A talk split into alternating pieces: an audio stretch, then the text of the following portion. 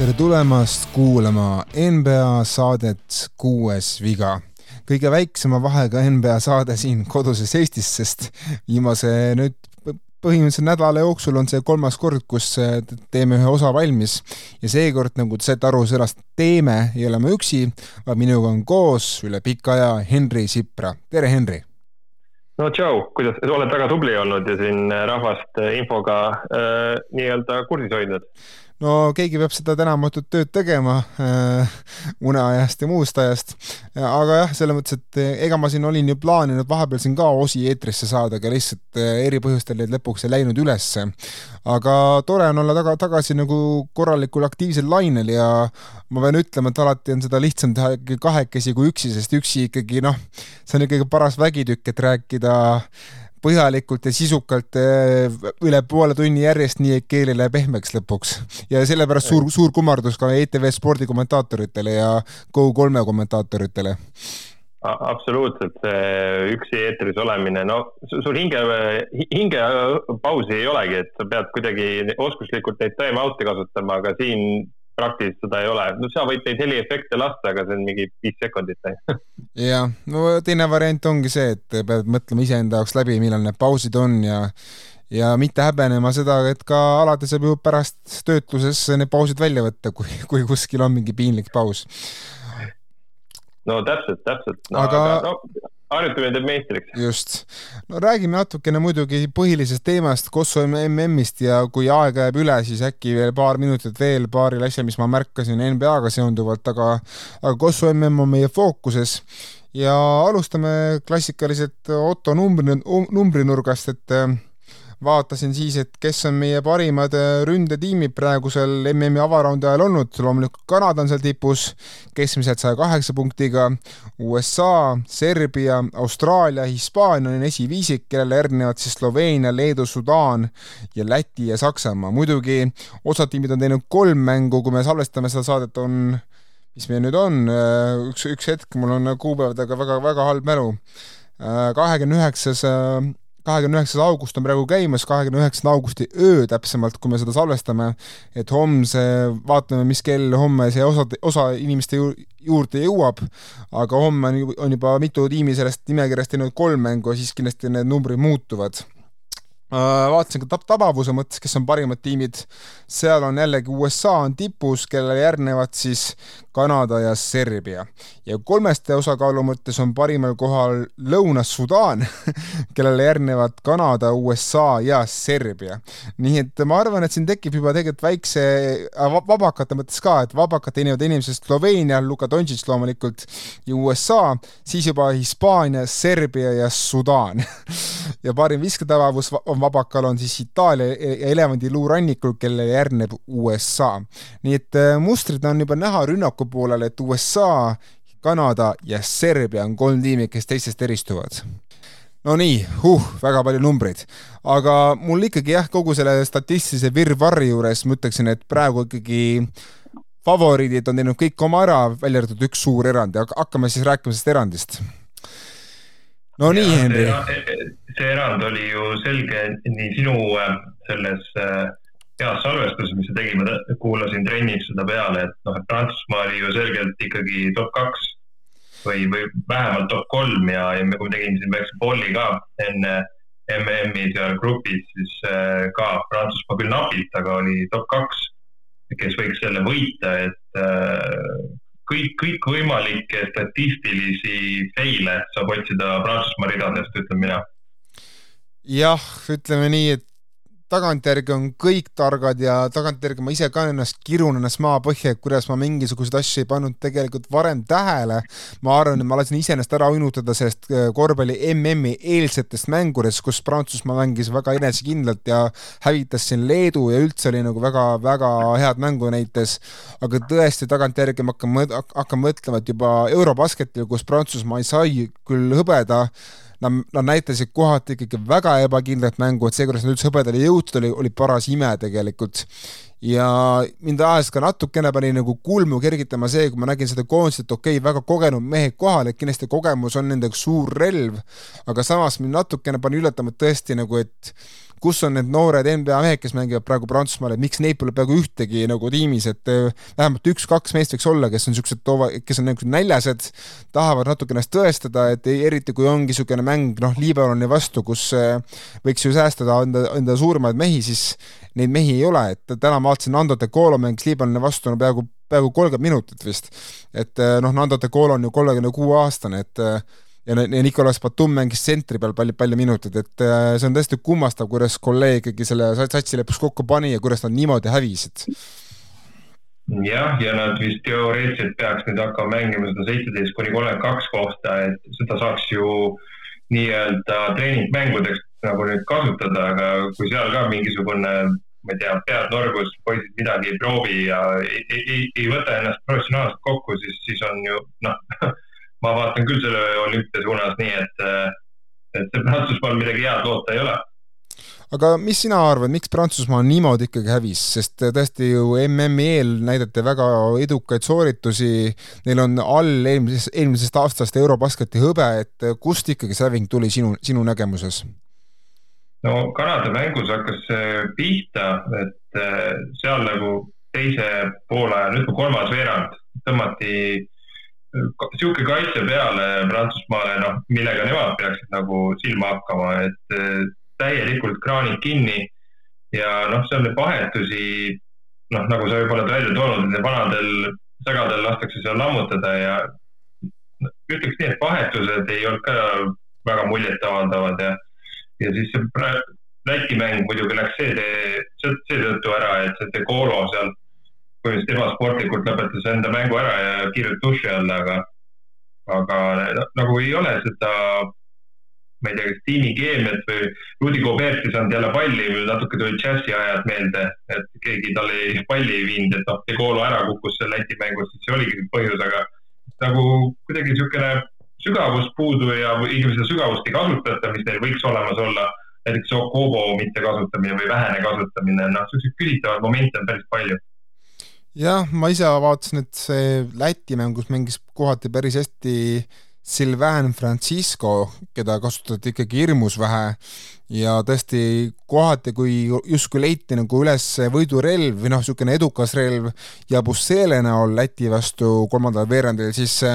seda kasutati ainult paar minutit ja siis läks kohe uuesti pall tagasi Fournieri ja Decolo kätte ja siis Jabusele justkui unustati üldse ära. et, et, et lihtsalt hästi palju arusaamatuid käike oli see minu jaoks ja ma arvan, et kõige põnevam selle tulemuse juures on tegelikult lõpuks see, et ähm, ma usun, et enamik mehi ikkagi, me näeme neid Pariisis ka, võib-olla mõned mehed vahetuvad välja, aga kas nüüd on tõesti lõpuks üle, üle kolmeteist aasta kestnud Vincent Collet aeg nüüd lõpuks läbi siis Prantsusmaa koondise peatreenerina? no nüüd pead, pead nii-öelda lähevad kodus ma arvan, nende kõikvõimalike liitude ja asjadega, et no üks variant on, et kolleeg kuidagi, ma ei tea, tema roll muudetakse, et ta jääb ikkagi tiimi juurde, sest ta on ju nii, noh, nii suur nimi, eks ju. aga mingi remont tuleb seal teha, et võib-olla seda tiimi ka natukene paremini ehitada, et praegu oli nagu prantslaste kaks tuhat üheksateist mm USA-l põhimõtteliselt või isegi hullem no ma ütleks jah, pigem nojah, siin on tõesti, mõlemad on parasjagu katastroofid. ma ise kardan, et Collet jääb. ma kardan seda sellepärast, et, äh, et Victor Wembanyama on juba märku andnud, et ta plaanib ikkagi osaleda Pariisi olümpial, kui tal vähegi on võimalik ja tal on tervis korras. ja Vincent Collet oli Wembanyama treener eelmisel hooajal selles äh, Pariisi meeskonnas, et äh, ma millegipärast kardan, et see argument on juba piisav oma, omamoodi, et et lasta kolleel veel jätkata ühe aasta veel, pluss veel see, et noh, kuigi kolleeg hävis sellel turniiril, on tal ette näidata ikkagi väga mitu medalit äh, minevikust, et äh, üks Eurobasketi kuld, mitu suurturniiride hõbedat ja pronksi, et tegelikult ju pole ju noh, tulemused pole halvad olnud, aga lihtsalt see mängupilt kuidagi, eriti just selle turniiriga, muutus ikkagi väga-väga inetuks ja hästi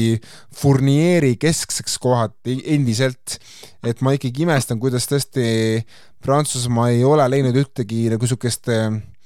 asendusainet sellele Fournieri kesksele rünnakule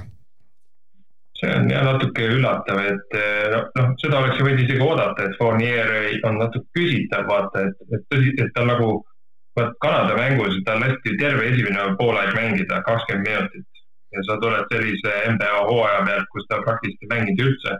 et noh, siis oli ju teada, et mehega midagi juhtub, aga no põhimõtteliselt, mis ta viskas seal äh, üheksateist esimene poolaeg ja kaks punkti teisel poolajal või?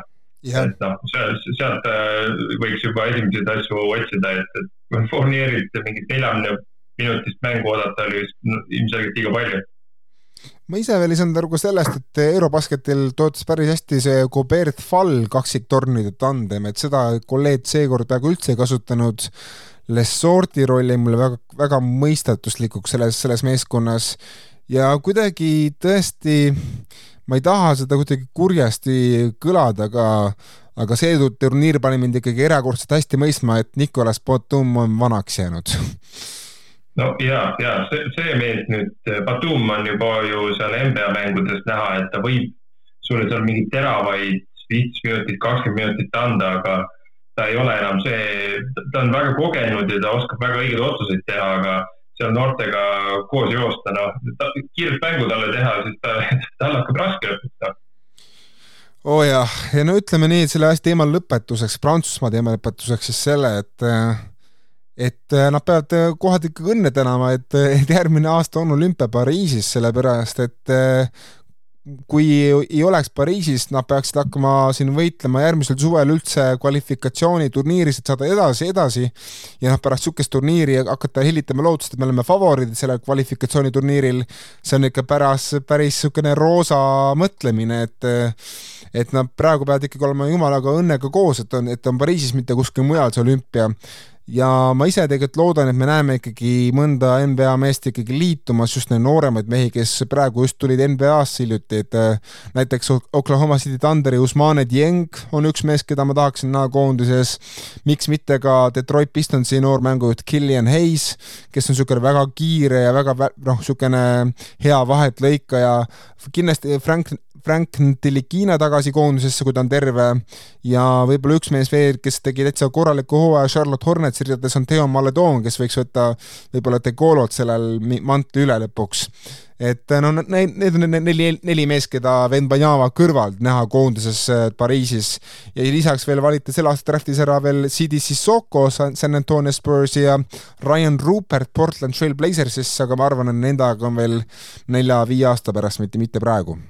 ja see Koulbali või mis ta oli, see ka ilmselt. aa ah, jah, Bilal Koulibali ka just, et kui tal on vähegi okei okay rukihooaeg seal Washingtonis, siis tema kindlasti võiks ka tegelikult juba noh, saada kas siis ristsek kätte või siis olla seal kuidagi kas või mingisugusel kontrollmängudel, nagu USA-l on enne igat turniiri on niisugune veteranide versus noorte mängud, et võiks vähemalt sedagi olla et materjali on ju tegelikult, kui hakkad vaatama, on ju kõvasti, et pigem ongi nüüd küsimus, kuidas see tiim kokku pannakse ja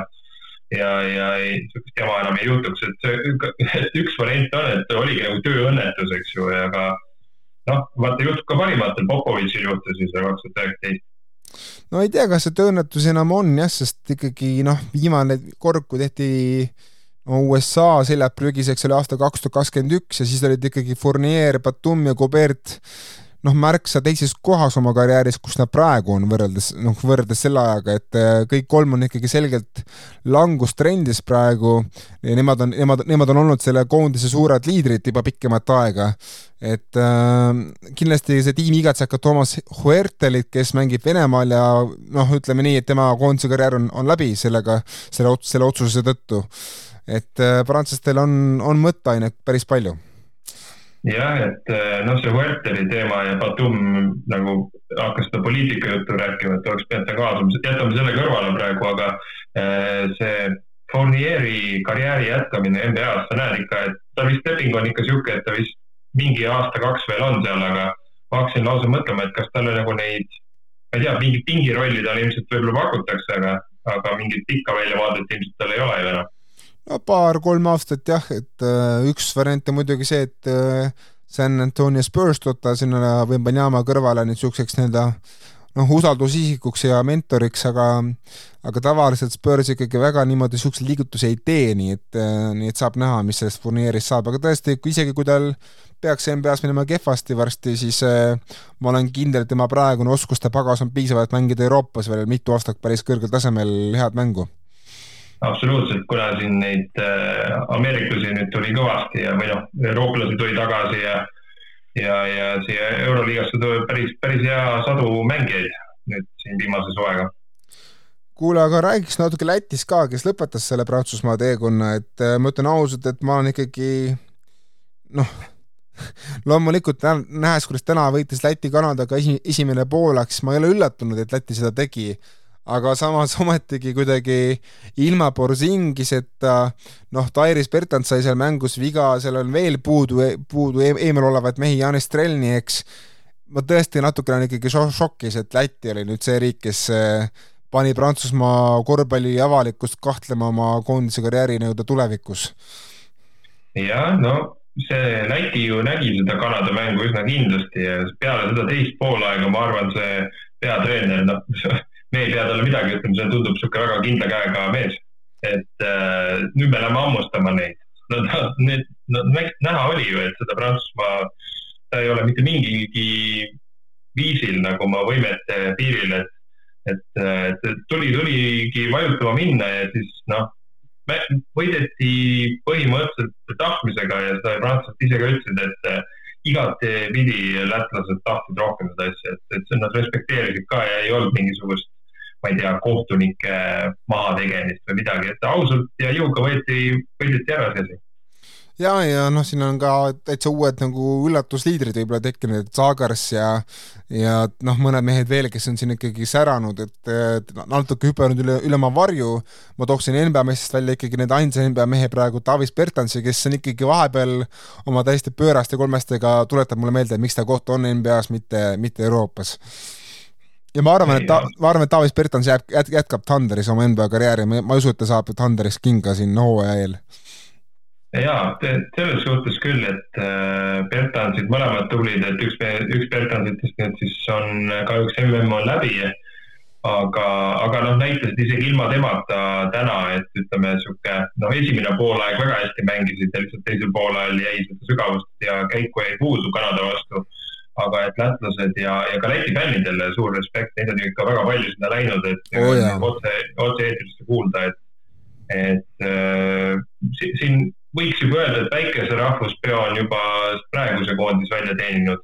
ja teevad natukene seda hokikoondise niisugust äh, ankoori praegu, et hokikoondisel, ma, ma ei ole hokispetsialist, aga neil oli ka ju kolm põhimeest oli puudu, kui nad läksid sinna MM-ile ja lõpuks tulid sealt pronksiga tagasi, mitte et ma siin nüüd seda varianti näen, aga noh, väga südikalt ja isukalt mängivad no kiitus lätlastele igal juhul ja kiitus ka leedukatele, kes on mänginud siiamaani kogu selle MM-turniiri edukat mängu ja võitsid oma ala, alagrupiga ära.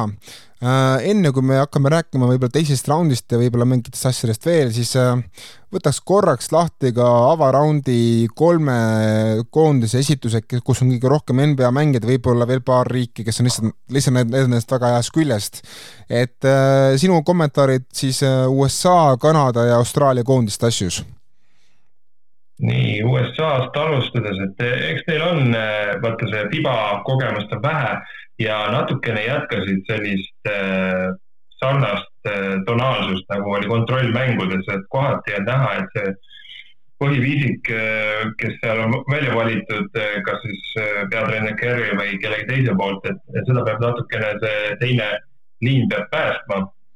Aga seda sügavust ja seda kindlust ja keemiat paistab olema, et kui ainuke mees, kes seal jätkuvalt on minu arust täielikult alla võimete ja näitab välja ka mingisugust vingumist, on see Brandon Ingram, et, et ta ei ole absoluutselt endale mingit kohta nagu välja mänginud, et Ingramit ma vaatan kõige murelikumalt jätkuvalt. ja kui minna edasi Kanada peale, siis Kanadal ma, mul on tunne, et nad lähevad järjest paremaks, et neil on ka, eks ju, ikkagi noh, koondis selles mõttes üsna noor FIBA mõistes ja need, nad ise ütlesid, et äh, Tort, eks ju, tema nüüd vigastusega loodame, et vist on, peaks saama nüüd teise ringi jooksul enam-vähem korda. Et, et lähevad ka järjest paremaks ja kolmanda koondisena, keda sa mõtlesid võtta luubi alla? Austraalia, kellel on siis äh, pärast USA-d kõige rohkem NBA mehi koondises. Austraalia, ma arvan, on ka täitsa tublid, et muidugi lasid ennast nüüd Saksal ära hammustada, aga seda oligi võib-olla neil vaja, et eh, tõi nad maa peale nii-öelda no kuidas sa nüüd alles jäänud Euroopa riikidest arvad, et kas peaks Euroopa fännid oma panuse panema Serbia, Hispaania või Saksamaa peale? mina tunnetan väga tugevalt, et Saksa on niisugune kõige eredam ja siis võib-olla, võib-olla see Serbia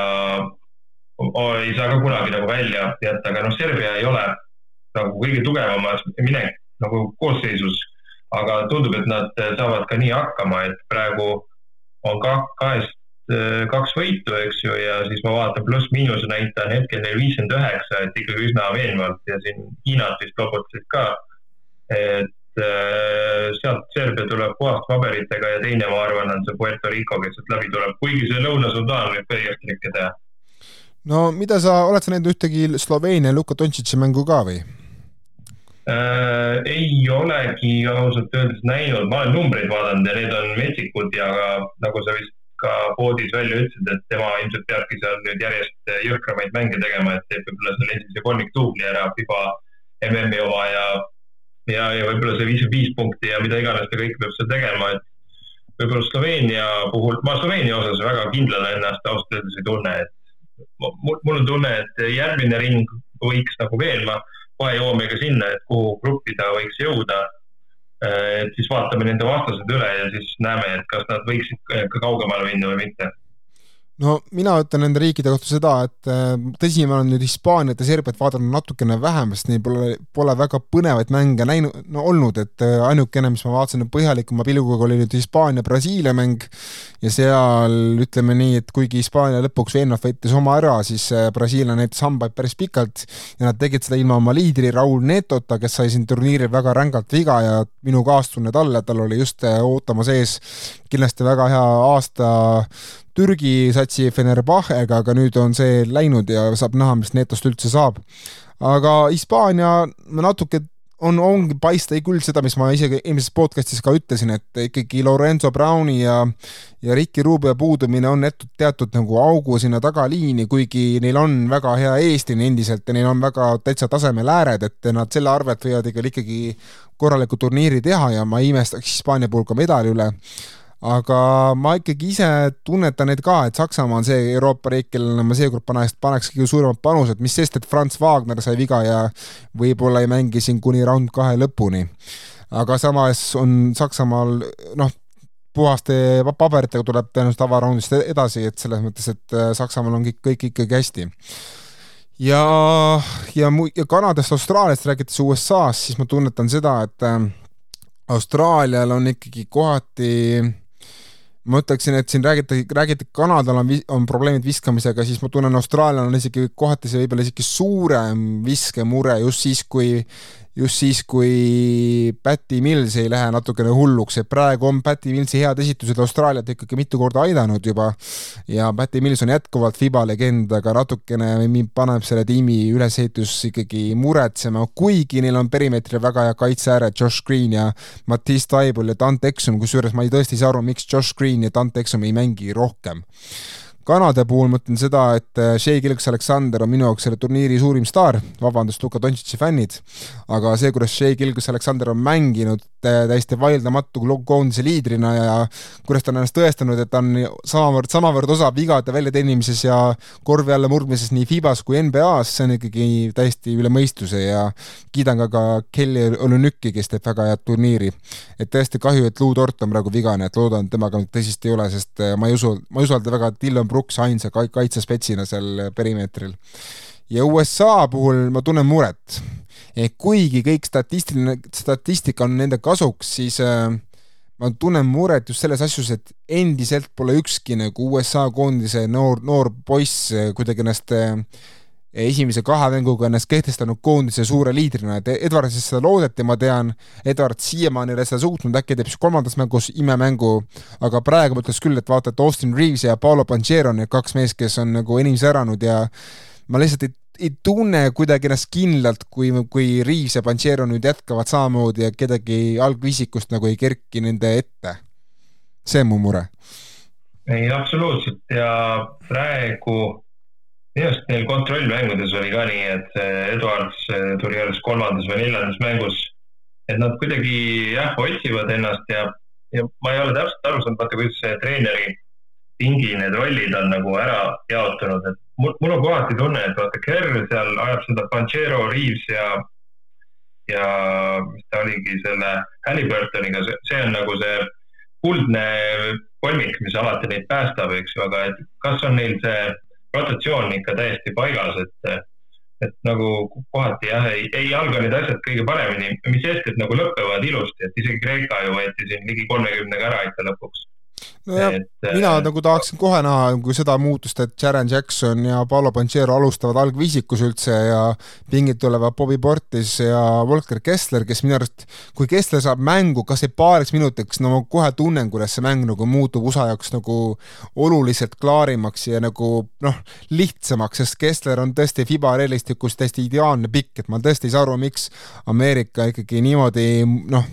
kuidagi nagu ei suuda kohaneda sellega, et, et muuta oma stiili lennult, et nad on ikkagi nii kinni selles, et kõik mehed peavad söötma ja viskama nagu Warriorsis, et natukene mulle see Steve Curry puhul see nagu jäikus omamoodi ei meeldi. Aga no mis teha, et äh, lihtsalt ma nagu tõesti ei saa aru nagu miks Curry endiselt poputab Ingramit, kui on näha, et Kessler ja Portis ja Josh Hart tulevad nii energiaga pingelt peale ja, ja on palju kasu, kasulikumad ja seal noh, enne ju ka ütles, et Kerr seal kuidagi, ma ei tea, kas see oli nagu decoy'ks välja öeldud või et ta nagu ütles, et me oleme märganud, et FIBA meeskondadel on meie vastu probleeme, kui meie viis suudab palli liigutada. Ja noh, see oli selge viide, eks ju, sinna äh, Panchero nagu aeda, et noh, väga Kerri nagu see, seda mängu nagu on siin, aga mul on tunne, et tal on üks Raymond Green on puudu äh, siin koondises, kes seda tema mängu viiks äh, niimoodi täide nii nagu talle meeldiks. no Panchero on jah, kõige lähedasem sellele mehele, sest Sharon Jackson ei ole hea söötja ja Kessler ka ei ole hea söötja ja Bobby Portis pigem ka mitte. et selles mõttes tõesti pikkadest on ainu-, ainult Panchero see, kes on nagu selleks suuteline, selleks Raymond Greenilikuks natukene mängu juhtimiseks eesliinis ma mõtlen veel ka seda, et mind natuke muretseb, paneb muretsema see, et kuigi praegu nad on siiamaani lauas suht okeilt hästi sa-, saanud hakkama, siis ma ei tea, kas nagu kõvemate tiimide vastu ma usaldan nagu päriselt seda Ingram, Bridges, Jackson eesliini ja pingilt siis mingi Portis ja Panchero, et nagu kuidagi no Josh Hart päästab neid, päris, päris palju päästab neid siiamaani, et Josh Hart on väga hea lauavõtja tagamehe kohta, aga aga kuidagi ma ikkagi tahaks ikkagi, ma jubedalt, ma tean, ma olen tüütu papagui, aga ma lihtsalt nagu tõesti tahaks rohkem Portist ja Kesslerit, et ma, ma, ma muidu lihtsalt lauas ei tunne ennast kindlalt ameeriklaste asjus, et kuidagi kuidagi, kuidagi isegi Kellil oli, oli nükk, et white power paneb kindlama tunnu kui see USA-kate praegune rotatsioon. Ja Powell kusjuures ja kaitses seal näiteks metsikud pluss-miinus näitajat ja seda jõuab võib-olla veel puutuda, aga kas selle peale ei ole mõelnud, et vaata Hart ja Branson, eks ju, nemad on ju Nixi nagu noh, seal nagu võivad kokku mängida, et võiks neid nagu rohkem kokku mängida ma ei olegi märganud, kas nad saavad üldse koos platsile või mitte? saavad küll natukene, et ma isegi täitsa tahaks rohkem näha, noh, Hart, Branson ja Mikal Bridges on ju kõik koos ka ülikoolis kossu mänginud, et võiks ka, võiks neid kolme isegi rohkem kasutada koos, koos Austin Reavesi ja ja mõne pikaga, Panchero näiteks, et äh, noh, variante on, et tõesti USA USA suurim nagu relv siiamaani sellel turniiril on nagu see, et esiteks neil on head viskajad, teiseks neil on väga hea teine laine ehk siis sügavus. Ja noh, selles mõttes, et nad lihtsalt lõpuks nagu tapavad selle sügavuse ja kiirusega ära, et see teine laine tuleb nii võimsalt peale, et et ükski koondis ei suuda eriti samaga vastata, kui USA paneb selle käigu sisse. Ja, ja neil neljand, neljandas veerandis pole neil äh, jõud otsas mitte mingil viisil. Jah, aga räägiks võib-olla veel hästi mõned sõnad nendest riikidest, kes nüüd ei pääse edasi, kus mõned NBA mehed olid, et lihtsalt, et kiidaks neid enne, kui nad varsti, varsti hakkavad siin mõttetu nii-öelda kohamänge mängima, nii et me enam ei pane neid tähele. et esiteks ma kiidaks äh, seda Lõuna-Sudaani Carlick Jonesi, kellel on vist leping Toronto Raptorsi või Chicago Bullsiga vist oli, ma kohe vaatan üle täpselt, kumb see oli. peaks Trelli äh, endine meeskonnakaaslane et Carlick Jones oli G-liigaga aasta mängima, vaatasin Äh, siin eelmise möödunud hooajal, aga tõesti see, kuidas ta mängib praegu Lõuna-Sudaanis, see on tõesti noh, ütleme nii, kui ma oleks praegu Etioopia või mingi muu riik, kes tahab naturaliseerida mingit mängijat, ma oleks päris pahane, et Carlick Jones äh, läks Sudaanile, mitte, mitte neile. aga jah, Pulsiga on tal leping olemas ja jätkab Pulsis kahekümne viie aastane ja kindlasti Jordan Clarkson tegi Filipiinidest väga korralikke mänge. Äh, ma, kuigi see oli ikka kohati väga Kobe'lik asi, mis ta tegi. samamoodi väga Kobe'lik esitused olid, olid Ronde Hollis Jeffersonil äh, siis Jordaania eest tõesti väga, väga head esitused ja siiamaani turniiri parim punkti skoorimäng ka talt ja ma mõne mehe võib-olla tooksin veel välja, noh, Markaneni ma väga ei kiidaks seekord, et natukene lihtsalt see kogu see Soome turniir oli ikkagi väga hädine ja Bruno Fernando Angola eest on, on ennast kehtestanud väga tubli liidrina. nii, minu, minu, minu nimed said läbi, kes sul on? Äh, põhimõtteliselt need kattuvad, et äh, Ollis Jefferson esimesena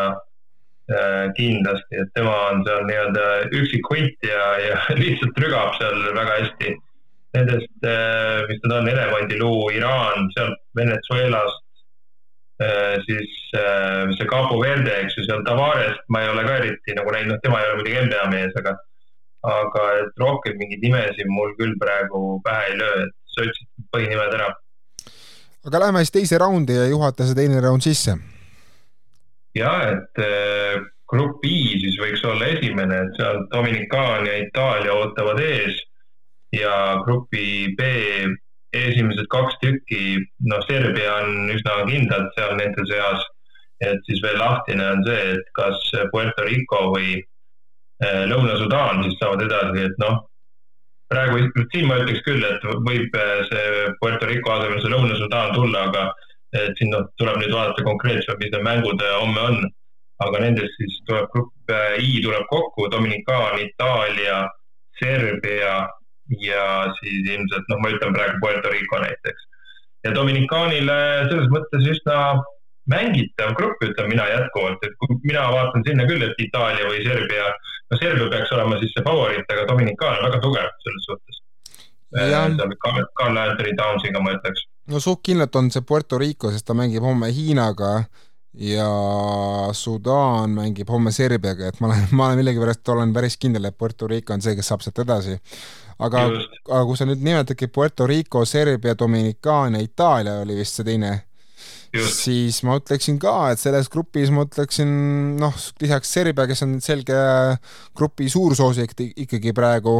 siis äh, ma ütleksin ka, et Dominikaanil on väga head šansid sind saata saata teisena edasi. Et Puerto Rico jääb neile kõigile alla ja Itaalia on juba Dominikaanile alla jäänud, Itaalial on kaks mängu siis pidada siis vastavalt Serbia ja ja Puerto Ricoga tõenäoliselt. Et äh, Itaalial ma kardan, et natuke mängisid oma šansid maha selle kaotusega Dominikaani vabariigile. jah, et äh, siin nüüd peab nende nii-öelda omavahelist mängu vaatame me väga põnevalt, et nemad siis madistavad seal omavahel ja mängude järjekord hakkab ju ka mängima. nojah, aga Dominikaanil on juba võit kirjas Itaalia üle, et, et selles mõttes see, see neil, see neil tuleb kaasa sinna järgmisesse gruppi. et see, et, et see. sellega on neil, edu, edu on neil käes sellega jah, ehk siis Itaalia peaks võitma nii Serbiat kui ka Puerto Ricot, noh, Puerto Rico võitmine on vägagi, vägagi võimalik, aga aga just see Serbia mäng saab olema Itaaliale tõenäoliselt võtmeküsimus ja siis seal võib tekkida jah, väike surnud ring lõpuks. just, aga lähme siis sinna J-grupi peale või? jah. Äh, J-is siis Leedu täis puhaspaberitega läbi läinud ja Montenegro ootavad ees ja C-grupist eh, tõenäoliselt siis USA ja Kreeka tulevad juurde, nii et vana hea USA, Leedu tuleb juba teises ringis. no ma ütleksin, et tõenäoliselt need kaks ka saavad edasi, sest Montenegro tänase mänguga Leedu vastu ei, ei avaldanud erilist muljet, et ikkagi lõpuks päris veenev Leedu võit ja Kreeka on ikkagi selgelt iseenda vari, et noh, kui Jannist, Jannist ikkagi ei ole, siis väga-väga keeruline näha, kuidas Papajannis ja Volkapi juhtimisel nad saavad edasi, aga noh, imesid võib juhtuda. Ja et siin sellega, nagu sa oled juba öelnud, et bracket'is USA-l selles mõttes äh, suhteliselt okei okay on siit edasi minna nüüd. jaa, neil on, neil on päris kerge vahegrupp, neil on päris kerge vahegrupp, aga ma korraks tulen tagasi eelmise grupi juurde, et äh, ma natukene tunnen muret itaallaste pärast ka selle tõttu, et see treener Poseco kuidagi ei saa üldse nende FIBA kohtunikega hakkama, et äh, igal turniir on tal ikkagi vaja mingit paar tehnilist kätte saada ja ma natuke arvan, et äh, ma ei ole kindel, kas Poseco on nagu pikaaegselt õige mees sinna, sinna satsi etteotsa nojah, et tal lubatakse seda show'd, et see rahval on kihvt teater ja kõike sinna, aga kui ta ei võida, siis ta kiirelt lendab, sest et noh, itaallased ei ise ise just vist ei salli sellist asja, et see on juba föderatsioonist tuli, et meid ei tohi nagu niimoodi häbistada, vaata. et päris kurjad signaalid tulevad sealt. jah, no pluss natukene ma tunnen muret ka Itaalia pärast, et äh, ega see niisugune ebastabiilne NBA aasta ei ole Fontecchio enesekindlust väga palju aidanud, et äh, mängib ka natukene halvemalt kui Eurobasketil minu arust siiani äh,. siin ütlen küll, et kurb, et Pancero sinna ei tahtnud minna, et kui Itaalial oleks see Pancero juures, oleks hoopis teine jutt. oo oh jaa oo oh jaa. nii, lähme edasi, kaks gruppi on veel. Äh, grupp K, vot see on nüüd äh, magus, et siin on Saksa ja Austraalia on ees ja, ja F-grupist on Sloveenia ja tõenäoliselt Gruusia tulemus vasta, et seal, seal on madistamist üksjagu, et Gruusia ilmselt võiks olla nagu kõige kehvem, aga Gruusia suudab ka seal igasuguseid ebameeldivaid mänge või vähemalt seal mehi, mehi nagu proovile panna. Jaa, no tõesti, Gruusial on Venezuelaga mäng homme, no selle nad võidavad päris suure tõenäosusega, aga see, et juba üks kolmikust Sloveenia, Austraalia ja Saksamaa jääb välja, no see on ikkagi kellegi jaoks on korralik väike põrumine, no kuna ja, kuna... ja Sloveenia on ju, võiks öelda, heal päeval Sloveenia, no Saksaga võib-olla raske, aga ta on ju suuteline võitma tegelikult Sloveenia no ma ütlen ka, et Sloveenia on suuteline tegema kaks väga head mängu järjest Saksamaa ja Austraalia vastu ja neid, nagu neid ei saa kuidagi alahinnata nagu üllatustiimina. et äh, nad, nad võivad tõesti isegi selle vahegrupi võita, aga ma ütleksin, et praegusest nelikust, äh, olles ka paari Sloveenia mängu, kus nende kaitse on ikkagi väga-väga-väga halb kohati, siis äh, minu jaoks on ikkagi Austraalia ja Saksamaa selle grupi favoriidid. just, et siin, siin ma olen ka nõus selle tõenäosuse pealt, aga loomulikult Sloveenia mänge tahaks näha, et eh, kui, kui hulluks Lukase loetakse? Noh, Luka ja miks mitte ka Prepelic, Zoran Dragic ja teised, kes kindlasti hakkavad sekkuma alati Luka, Luka eest, eestvedamisel. Toobi saab ka seal mürada, mürada kindlasti. jah, aga viimane grupp eh, grupp L, Kanada ja Läti on juba ees ja siis G-grupist on liitumas tõenäoliselt Hispaania ja Brasiilia. Et seal on ka nagu kolm, kolm tükki siis, noh, ma panen nagu Läti siis tugevamate sekka, kuigi neil on ka seal vigastustega nüüd probleeme, et siis Hispaania ja Kanada peaks olema need favoriidid ja siis, aga noh, Brasiilia ja Läti siis seal saavad ka madistada. jah, aga kui ma hakkan mõtlema selle peale, et Hispaania ja Kanada tõenäoliselt selle ikkagi võidavad, see on ikkagi päris suur tõenäosus, siis me saame Hispaania, Kanada ja Austraalia, Saksamaa ja Slove- või Sloveenia veerandfinaalid, samal ajal kui teisel pool on niisugused noh, USA ja noh, hunnik riike, keda ma paneks allapoole, Saksamaad, Austraalia, no ma, ma rääkisin seda eelmises podcast'is ka, kuidagi alles praegu jõuab see mulle kohale, kuivõrd ikkagi ebaõiglaselt kohati on see turniiri bracket jaotunud. Ja et ta on ikka selgelt kaldu ühele poole, ühele poolde, et mitte ühe grupiga, kusjuures, et siin kohe kahe grupiga tuleb see, et K ja L grupp on palju raskemad grupid kui J ja I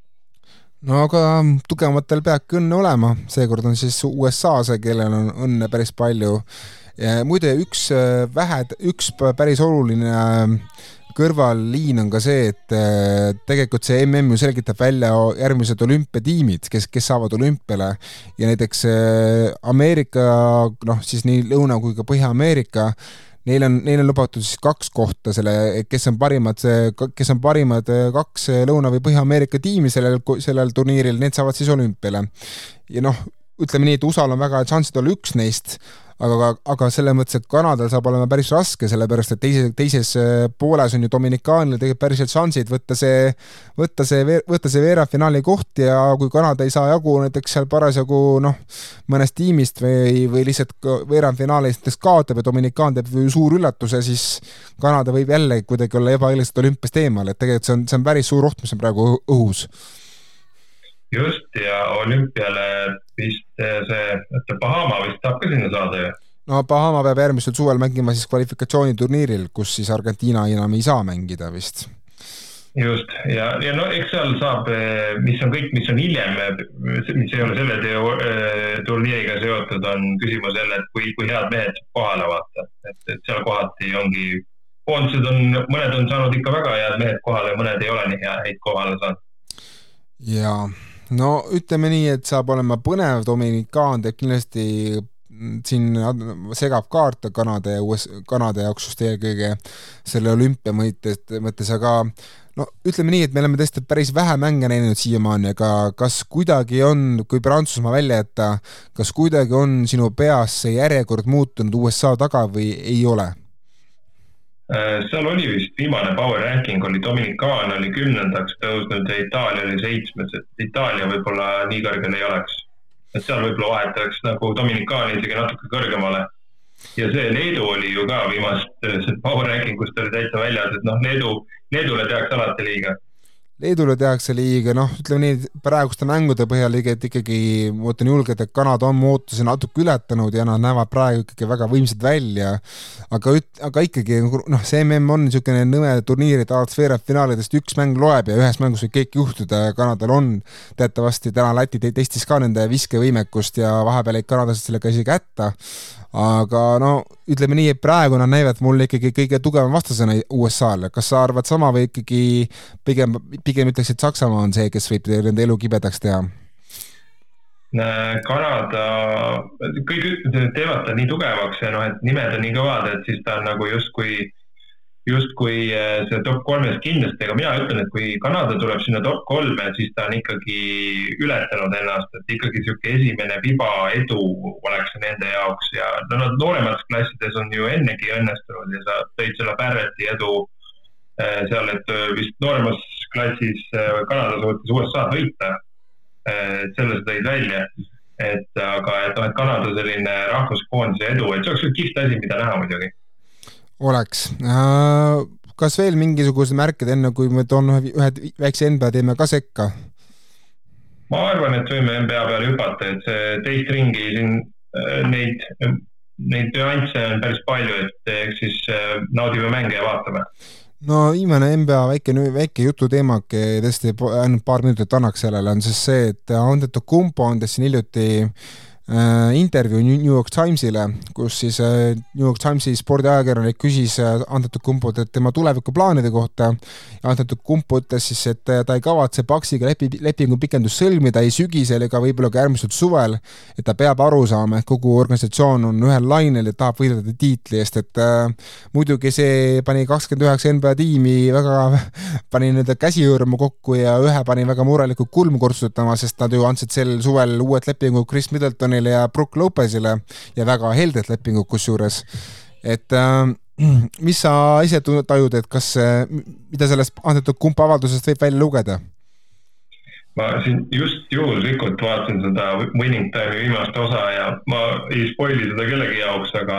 et äh, tulevad lihtsalt ajad, kui need liidrid peavad natukene teisi poisse pigistama, et, et mulle tundub, et praegu Antetokounmpo seda teebki ja ta on väga lõbus suvi on ka tal tegelikult olnud, et ta on selle, mis ta käis nüüd siis Neymaril seal Al-Hilalil külas ja, ja siis viskas nalja, et peale NBA-d ta võib ka sinna Al-Hilali võib ükskõik mis mängu mängida, kui nii palju raha saab, et, et eh, ma arvan, et ta jääb paksi meheks, aga ta üritab nüüd siis järgnevate reaktsioonidega välja selgitada need mehed, kes talle jäävad sinna, sest et isegi ju ta vend äh, ütles nüüd vist selle MM-i sees, et ei olnud äh, lähedal, et oleks Nixi läinud et ta on nagu jäänud venna kõrvale, aga tal oli Nix, Nixi ka nagu sihuke ilmselt rohkem minuteid andev roll oli võimalik võtta. no ma tõesti ei saa aru, kuidas see võimalik on, arvestades Nixi rotatsiooni ja seda, kui noh, tegelikult see MM, MM tõestanud, kui kesine ründemängija on Thanasis Antetokounmpo paraku, aga noh, hea mõelda. oskavad juttu ka rääkida, sest et see vanem vend on ju see niisugune pullivend ka. jaa aga selline, selline see seekordne osa, aitäh, et kuulasite, eks me teeme siin MM-i vältel veel mõned eriosad. Ja olge tublid ja olge alati rõõmsad, mis seal ikka. tšau